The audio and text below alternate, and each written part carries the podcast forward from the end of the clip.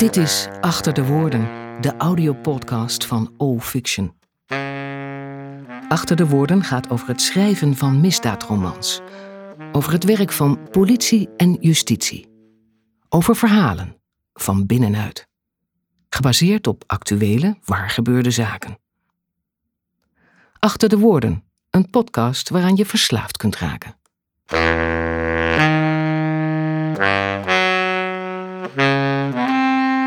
Ieder kwartaal publiceert Achter de Woorden een nieuw fragment uit de reeks Severijn en Govaert of een kort verhaal als voorstudie voor deze misdaadromans. Achter de Woorden doet verslag van persoonlijke ervaringen uit de wereld van politie en justitie.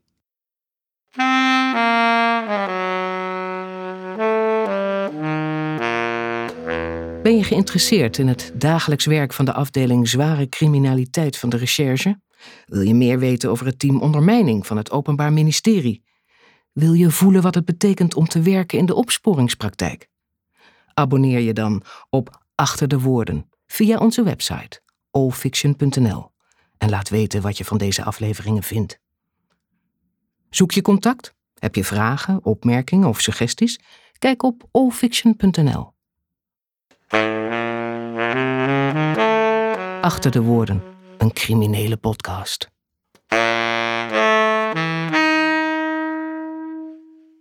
Mijn naam is Maud Koppers. Je luistert naar aflevering 6 van april 2020. Zometeen hoor je David en Lucas, een fragment uit Dood in opdracht, het tweede deel van Severijn en Govaert. Eerst een persoonlijke ervaring van de schrijver, Erik Oosthoek.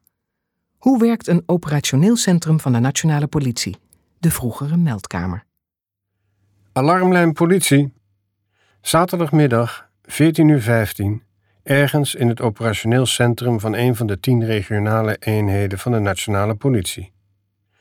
Een koffiehoek buiten het OC zelf. Ik zit als waarnemer bij de overdracht van de ochtend naar de middagdienst, de warme briefing. Zeven mannen en vijf vrouwen rond de tafel. De helft schat ik jonger dan dertig. Twee van hen hebben een migratieachtergrond. Deze twaalf centralisten zullen de middagshift gaan draaien. Vuurwapen gevaarlijk. De officier van dienst, een indrukwekkend besnorde veertiger, heeft een lijst met aandachtspunten. Over een half uur begint er in Arnhem een Pegida-demonstratie. De OVD verwacht uitstraling naar onze regio. Bij een zoeking in een wietloods in Elsendorp, deze morgen, bleek er 220 vol te staan op de stalen tralies voor de ramen. Hij benadrukt dat aansturing ervoor moet zorgen dat de patrouilles die ze naar de verdachte wietlocaties sturen, daarvan op de hoogte zijn.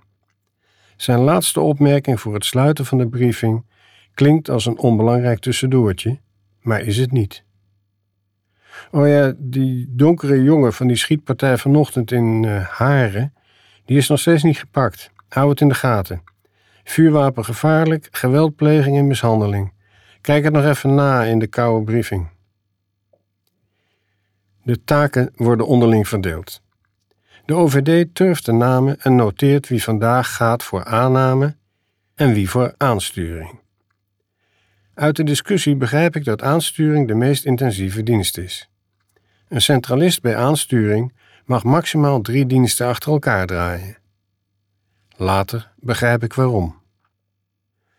Ik heb een overdosis met pillen, ambulance rijdt met spoed, u graag ook. Eenmaal binnen in het met digitale toegangspasjes beveiligde OC valt op hoe geconcentreerd er gewerkt wordt. De ruimte is verdeeld in drie secties onder verantwoordelijkheid van de OVD. De brandweer en de ambulancedienst beschikken elk over drie meldtafels en opereren zelfstandig. De politiecentralisten zijn verdeeld over zes tafels voor aanname en aansturing. Aan iedere tafel werkt één centralist. Bij aanname gaat het om de telefonische meldingen die via het alarmnummer 112 en het landelijke geen spoed politienummer 0900 8844 24 uur per dag binnenkomen. Ook komen daar de telefoontjes binnen van collega's die zich inmelden voor de komende dienst. Aansturing doet de uitgifte. Daar sturen de centralisten de patrouilles naar de meldingen. Heeft de verdachte een strafblad? Achterin staan nog eens zes tafels voor het Real-Time Intelligence Center, het RTIC. Na een half uur bij hen achter de tafels begrijp ik dat deze centralisten een klasse apart vormen. Zelden heb ik mensen zo snel en doelgericht zien werken. Er wordt weinig gesproken, één blik is genoeg. De specialisten ondersteunen de agenten die tijdens hun dienst op straat actief zijn in de noodhulp en leveren gevraagd en ongevraagd informatie. Het is regelmatig van levensbelang dat politiemensen snel weten met wie ze te maken hebben. Deze informatiespecialisten kunnen meer dan 40 softwaresystemen raadplegen, allemaal programma's die niet voor het gewone publiek toegankelijk zijn. Daarnaast natuurlijk open bronnen, als Google, Facebook en Twitter. Al die informatie komt in het RTIC samen. De streeftijd is 5 minuten, maar vaak is de belangrijkste info al binnen 30 seconden beschikbaar. Een foto, een profiel, heeft iemand een strafblad? Is er sprake van belastingsschulden of openstaande boetes? Gaat het om een OVP'tje, opvang verwarde personen? Of een veelpleger? Is de verdachte vuurwapen gevaarlijk? Hoe sneller en hoe meer de patrouille op de hoogte is van een situatie en van een eventuele verdachte, hoe beter en veiliger ze hun werk kunnen doen. Je moet zakelijk blijven, dat is je werk. S'avonds zit ik bij aanname. Ondanks de zaterdagavond valt de drukte mee. De centralist is een vrouw van begin veertig, klein van stuk, de rust zelf. Zeg maar Linda. In het OC werkt een mix van buitengewoon opsporingsambtenaren, geroutineerde agenten met straatervaring en zogenaamde combi-centralisten, agenten die zowel op straat als in het OC werkzaam zijn. Linda is een meldkamervrouw puur. Na haar opleiding werkte ze zeven jaar als verpleegkundige. Met haar twee dochters op de basisschool volgde ze negen maanden de opleiding voor centralist. Na drie tropenjaren in de sectie van de ambulancedienst werd Linda zij-instromer bij de politie. Inmiddels is ze senior centralist en elf jaar bij de politie. Ik hou van afwisseling en adrenaline. Chaos daagt me uit. Als ik daar orde in kan scheppen, dan voel ik me prettig. Dankzij mijn medische ervaring weet ik in welke ellende mensen terecht kunnen komen. Soms voel je je op zo'n moment machteloos, omdat je op afstand zit. Dan wil je door de telefoon heen kruipen en handelen. Dat zijn moeilijke minuten, maar je moet zakelijk blijven. Dat is je werk. Het opstarten van een Boeing gaat sneller. Linda gaat opstarten. Deze tafel is twee uur uit de lucht geweest door een technisch probleem. Het is 14 uur 40. Ik kijk naar de zeven beeldschermen. Het geïntegreerd meldkamersysteem GMS draait nog op Windows 7. Ze glimlacht. Het opstarten van een Boeing gaat sneller. Je moet inloggen met je persoonlijke code en je NP-stamnummer. Alleen dan kun je kentekens en personalia opvragen. Als je in het OC in de privésfeer iets flikt, is dat direct traceerbaar. Letterlijk alles wordt gelogd. We wachten. Verderop hoor ik flarden van gesprekken aan de andere twee aannametafels. Inbraak, woning heterdaad, de hond gaat nu naar binnen. Lijkvinding, singel ter hoogte van nummer 155 bevestigd. Melder doorsturen naar de huisartsenpost, arts op pad. Ondertussen vertelt Linda wat meer over het systeem. Haar stem klinkt nog steeds enthousiast na al die jaren. Het GMS kan heel veel tegelijk. Meldingen aannemen, verwerken en uitgeven. Je ziet op alle aangesloten werkstations dezelfde informatie in real time. Terwijl ik de melding aanneem en verwerk, kan aanname meelezen en direct eenheden aansturen. Ook andere hulpdiensten kunnen real-time meelezen. Het plotsysteem verwerkt ook de terugkoppelingen van de eenheden op straat. Je weet wel, spraakaanvragen, verzoek om informatie, noodoproepen, dat soort zaken. Linda wijst naar het vijfde beeldscherm van links. Het kaartsysteem is net zoiets als Google Maps. Je kunt straatnamen zien, huisnummers, GPS-coördinaten, de locaties van de eenheden, luchtfoto's. Je kunt het zo gek niet bedenken. Behalve 112 en 8844 komen ook alle interne lijnen hierop binnen. Als het rode statuslicht boven de tafel brandt, mogen ze niet storen, dan ben je in gesprek. En je hebt natuurlijk Blueview. Daar kun je op trefwoord de BVH's van alle politieeenheden doorzoeken. Een soort uh, Google Search, maar dan alleen voor de politie. Maar goed, dat ken je allemaal. 2303, Springer Jeronimus Toren, 18e verdieping, is genomen, we gaan ter plaatse. Spookrijder A2, richting Zuid bij Drielse Wetering, wordt gevolgd. Alle schermen vertonen nu beeld. Sommige eenheden op de gedetailleerde kaart van de omgeving op het tweede beeldscherm van rechts veranderen van positie. Alles werkt. Linda pakt haar headset van de oplader en zet hem op. Ons uh, communicatiesysteem hoort niet afluisterbaar te zijn. Tenminste, dat zeggen de baas in Den Haag. Zelfs het ministerie houdt dat vol. Ze schudt haar hoofd. Ik vraag me het oprecht af. Het personeelsysteem houdt niet bij of de agenten die uit dienst treden hun portofoon wel hebben ingeleverd. Die software is niet gekoppeld aan het systeem waarin die porto is geregistreerd. Vorig jaar is er door een Limburgse agent nog eentje doorverkocht. Kreeg die 2.500 euro voor. Kon de koper stiekem meeluisteren met recherche en meldkamer. Even rustig blijven, ik ga u een paar vragen stellen. Iets later. Linda beoordeelt een melding en bepaalt op basis van prioriteit welke collega's ze naar de locatie van de melding stuurt. Het AVLS, het automatisch voertuigvolgsysteem, toont exact waar alle eenheden op straat zijn. Er belt een getuige van een woninginbraak. Ze is slecht verstaanbaar, praat warrig en opgewonden. De vrouw heeft vanuit haar auto iemand zien binnendringen aan de achterkant van een woning.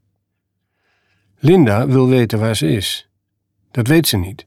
Ja, in de buurt van de Noorderplas. Nee, ze ziet nergens een straatnaambord. Het is stikdonker. Ik ga u een link sturen. Als u die accepteert, kan ik zien waar u bent. Haar collega bij aansturing ziet de GPS-coördinaat op zijn scherm en knikt. Er is een eenheid onderweg. Prio 2. De bijrijder vraagt of het OC de melding wil doorzetten. Dat betekent dat ze in hun eigen systeem in de patrouillewagen door kunnen werken. Hoe zag die meneer eruit? Bij stukjes en beetjes ontstaat er een signalement. De verbinding valt telkens weg. Rond de dertig, mager, kort donker haar, drie dagen baard.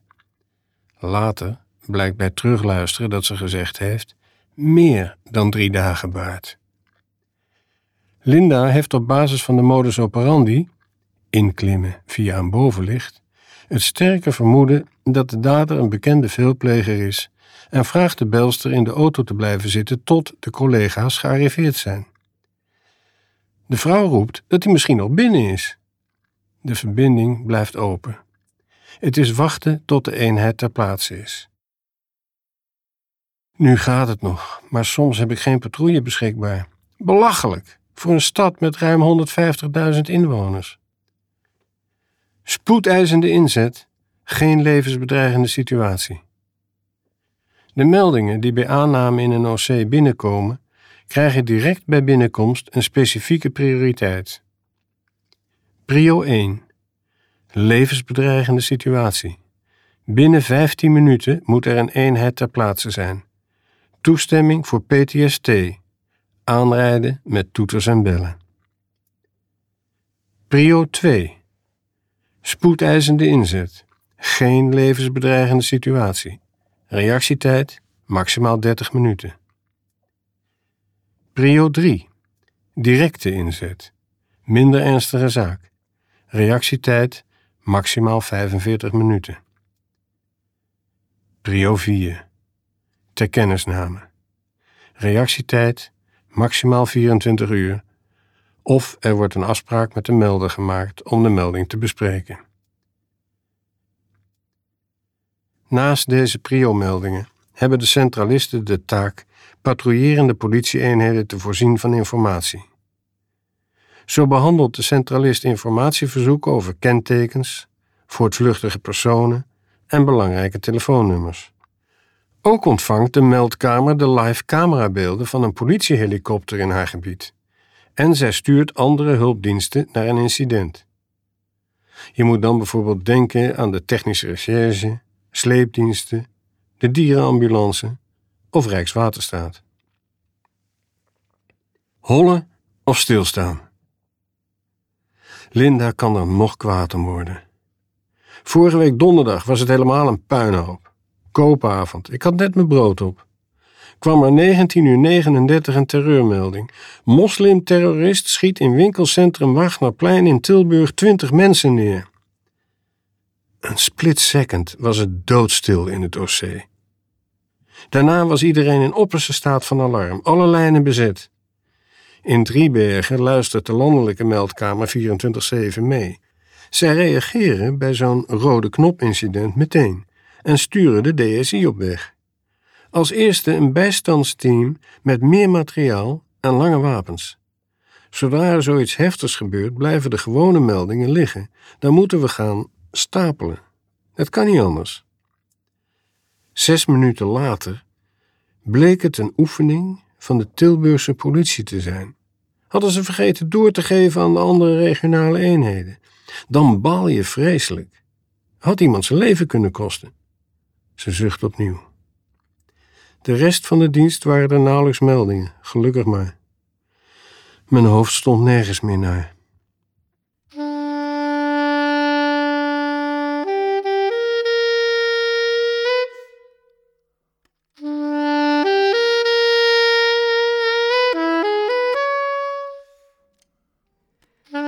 En dan nu David en Lucas. Een fragment uit Dood in opdracht. Goede fictie is gemaakt van herkenbare dingen. Dat ligt bij de werkelijkheid wat moeilijker.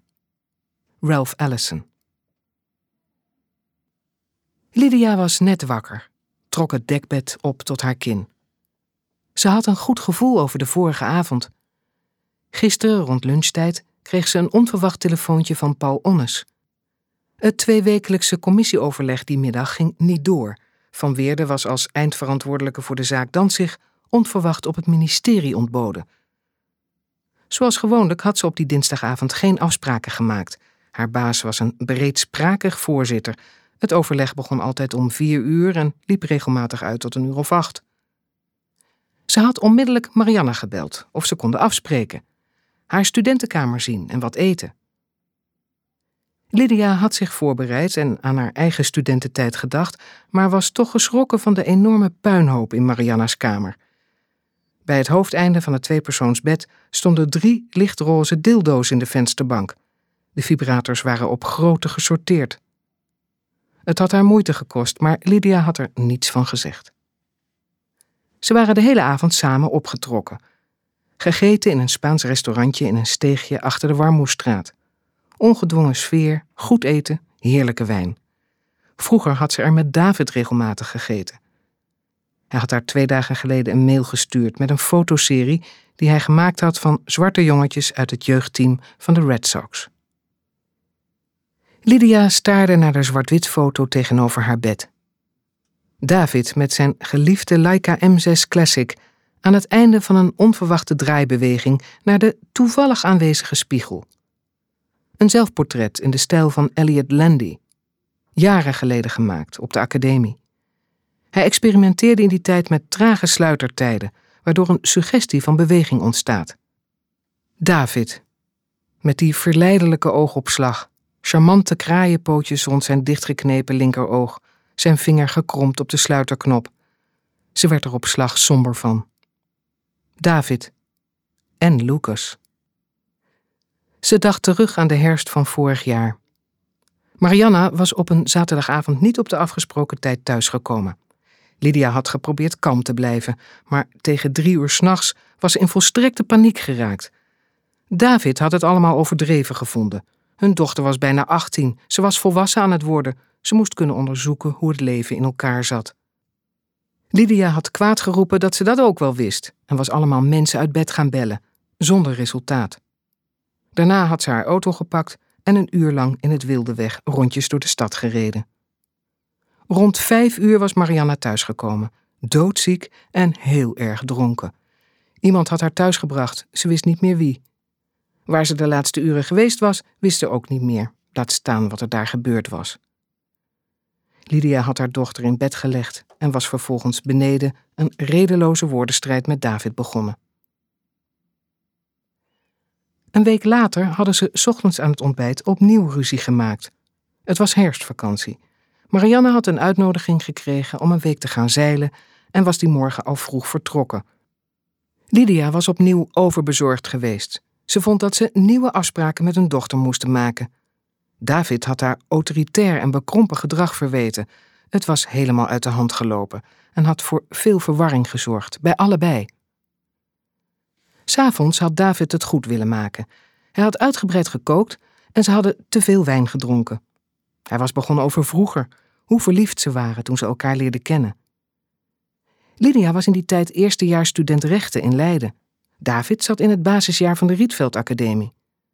Hij was maar blijven praten en Lydia was op het warme geluid van zijn stem weggedroomd in haar herinneringen. Destijds was het liefde op het eerste gezicht geweest, van beide kanten. Ze was bijna drie maanden zwanger toen ze trouwde. Marianne was een love baby, zoveel was zeker. Opeens werd het stil die avond. David zweeg. Lydia keerde terug uit het verleden. Hij keek haar aan en begon plotseling te huilen. En te praten, haperend, zacht, onzeker. Hij hield niet op. Een verhouding met een man. Lydia had hem aangestaard. Ze hoorde het, maar begreep het niet. Ze had niets kunnen zeggen, niets kunnen doen. Later was dat veranderd, maar op dat moment was ze als verlamd. Ze kon niets. Niet hem aanraken, niet hem begrijpen, niet hem troosten, niets met hem. Veel later realiseerde Lydia zich dat ze David eigenlijk nog nooit zo had zien huilen als toen. Er volgde een vreselijke week. Ze waren allebei erg depressief. Wisten geen van beiden of en hoe ze het Marianne moesten vertellen.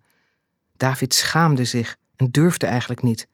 Lydia wilde gelukkig blijven, met z'n drieën, doen alsof er niets gebeurd was. Ze besloten het uit te stellen, tijd te nemen tot het eind van het jaar om aan de nieuwe situatie te wennen, en gingen allebei twee keer zo hard werken. Op oudejaarsavond, even voor twaalf uur, nam David op een wat houterige manier onverwacht het woord. Lydia bevroor. Ze voelde wat er komen ging en staarde naar Marianne. Haar vader ging haar vertellen dat hij een verhouding had met een man. David zei dat hij het niet langer uithield, dat hij eerlijk wilde zijn. Dat hij van Marianna hield en van Lydia heel veel, voor altijd, maar dat hij een verhouding had met Lucas, een zwarte Amerikaanse arts. Begin maart 2016 besloten Lydia en David om voorlopig voor een langere periode uit elkaar te gaan. David verhuisde naar New York. Later had David Lydia verteld dat hij zo bezorgd om haar en Marianne was geweest, maar dat hij niet terug kon. Hij moest onderzoeken wat Lucas voor hem betekende, wat dit voor de rest van zijn leven betekende, voor zijn relatie met Lydia, voor Marianne. En dat moest hij daar doen, met Lucas. Lydia had zich verzet, nog steeds. Ze wist dat het niet kon, maar ze probeerde het te ontkennen. Ze wist zeker dat ze nog altijd van David hield. Misschien hij niet meer van haar, of misschien alleen op afstand, maar zij hield nog wel van hem. Ze waren nog steeds niet officieel gescheiden. Lydia wilde dat niet. David was al drie keer terug geweest. De eerste keer om Lucas voor te stellen. Lydia had het een aardige man gevonden, open en eerlijk. Ook Marianna kon goed met hem overweg. Gek genoeg vond ze het een geruststelling. Ze kreeg meteen het idee dat David in goede handen was. Nu, een half jaar later, leek de situatie weer wat normaler, alsof het zo misschien wel zou kunnen doorgaan. Ze mailden regelmatig met elkaar. Marianne was na haar eindexamen twee weken naar David en Lucas geweest. De emoties waren allemaal wat gezakt. Lydia herkende een homoseksuele man nu op een kilometer afstand. Dat wel. Ze schudde de herinneringen van zich af, ging op de rand van haar bed zitten en wreef in haar nek. Ze had alleen een lang t-shirt aan. De wekker wees even over half acht. Toch te veel van die heerlijke wijn. Ze moest gaan douchen. Onwillekeurig keek ze uit het raam. Aan de overkant klopte een jonge vrouw een dekbed uit op haar balkon. De lichte hoofdpijn trok weg. Het warme water had haar goed gedaan. Lydia draaide de kraan dicht en tastte op de radiator naar een warme handdoek. Ze keek naar zichzelf in de grote wandspiegel. Haar lijf kon er nog best mee doorfonsen. In een beslagen spiegel. Lydia schreef iets op een boodschappenbriefje. In haar andere hand had ze een bruine boterham met kaas. Ze bekeek met haar jas aan vluchtig de koppen van de ochtendkrant en nam een slok thee. Ze moest eerst naar het eidok voor overleg met de persofficier. Daarna zou ze met Paul meerijden naar de Kabelweg voor overleg met Dirk Rodenburg over de stand van zaken. Smiddags moest ze de raadkamerofficier op de hoogte brengen van de actuele stand van het onderzoek. In de tram bliepte haar mobiel, een appje van Paul Onnes. Nieuwe ontwikkeling Delta 3. Midden-Nederland geeft persconferentie. 13 uur. Loop even langs. Lydia voelde de opgewonden stemming in de afdeling nog voor de lift op de vijfde verdieping stopte. Ondermijning had het bericht van politieregio Midden-Nederland net binnengekregen. Haar parketsecretaris zat te bellen aan een van de flexwerkplekken en wenkte. Lydia liep naar hem toe en mikte haar tas op het bureau. Ze had de pest aan kantoortuinen en was er liefst zo min mogelijk. Pauls lippen bewogen zonder geluid. Persofficier Utrecht. Hij ronde het gesprek af en hing op. Midden-Nederland komt met een persverklaring, rapport Rijksrecherche. Een Utrechtse hoofdagent van Turkse komaf heeft jarenlang informatie uit Summit verkocht aan die kookclub van Ferry Sidar. De man is strafontslag aangezegd. Lydia zuchtte. Het houdt verdomme nooit op. Soms lijkt het dweilen met de kraan open. Ik hoop dat ze doorzetten. Paul knikte naar de telefoon. Voorlichting denkt dat het een topje van de ijsberg is. De Utrechtse politie stelt dat het alleen al in hun regio gaat om meerdere corrupte contacten. Ze hebben een strafrechtelijke procedure tegen twee collega's van de man gestart: een brigadier en iemand van de recherche. Ook gekleurd? Paul knikte. Die rechercheur wel, een Marokkaanse jongen. Lydia keek op haar horloge en pakte haar tas. Gaat iedereen weer zeuren over diversiteit en migratieachtergrond wedden?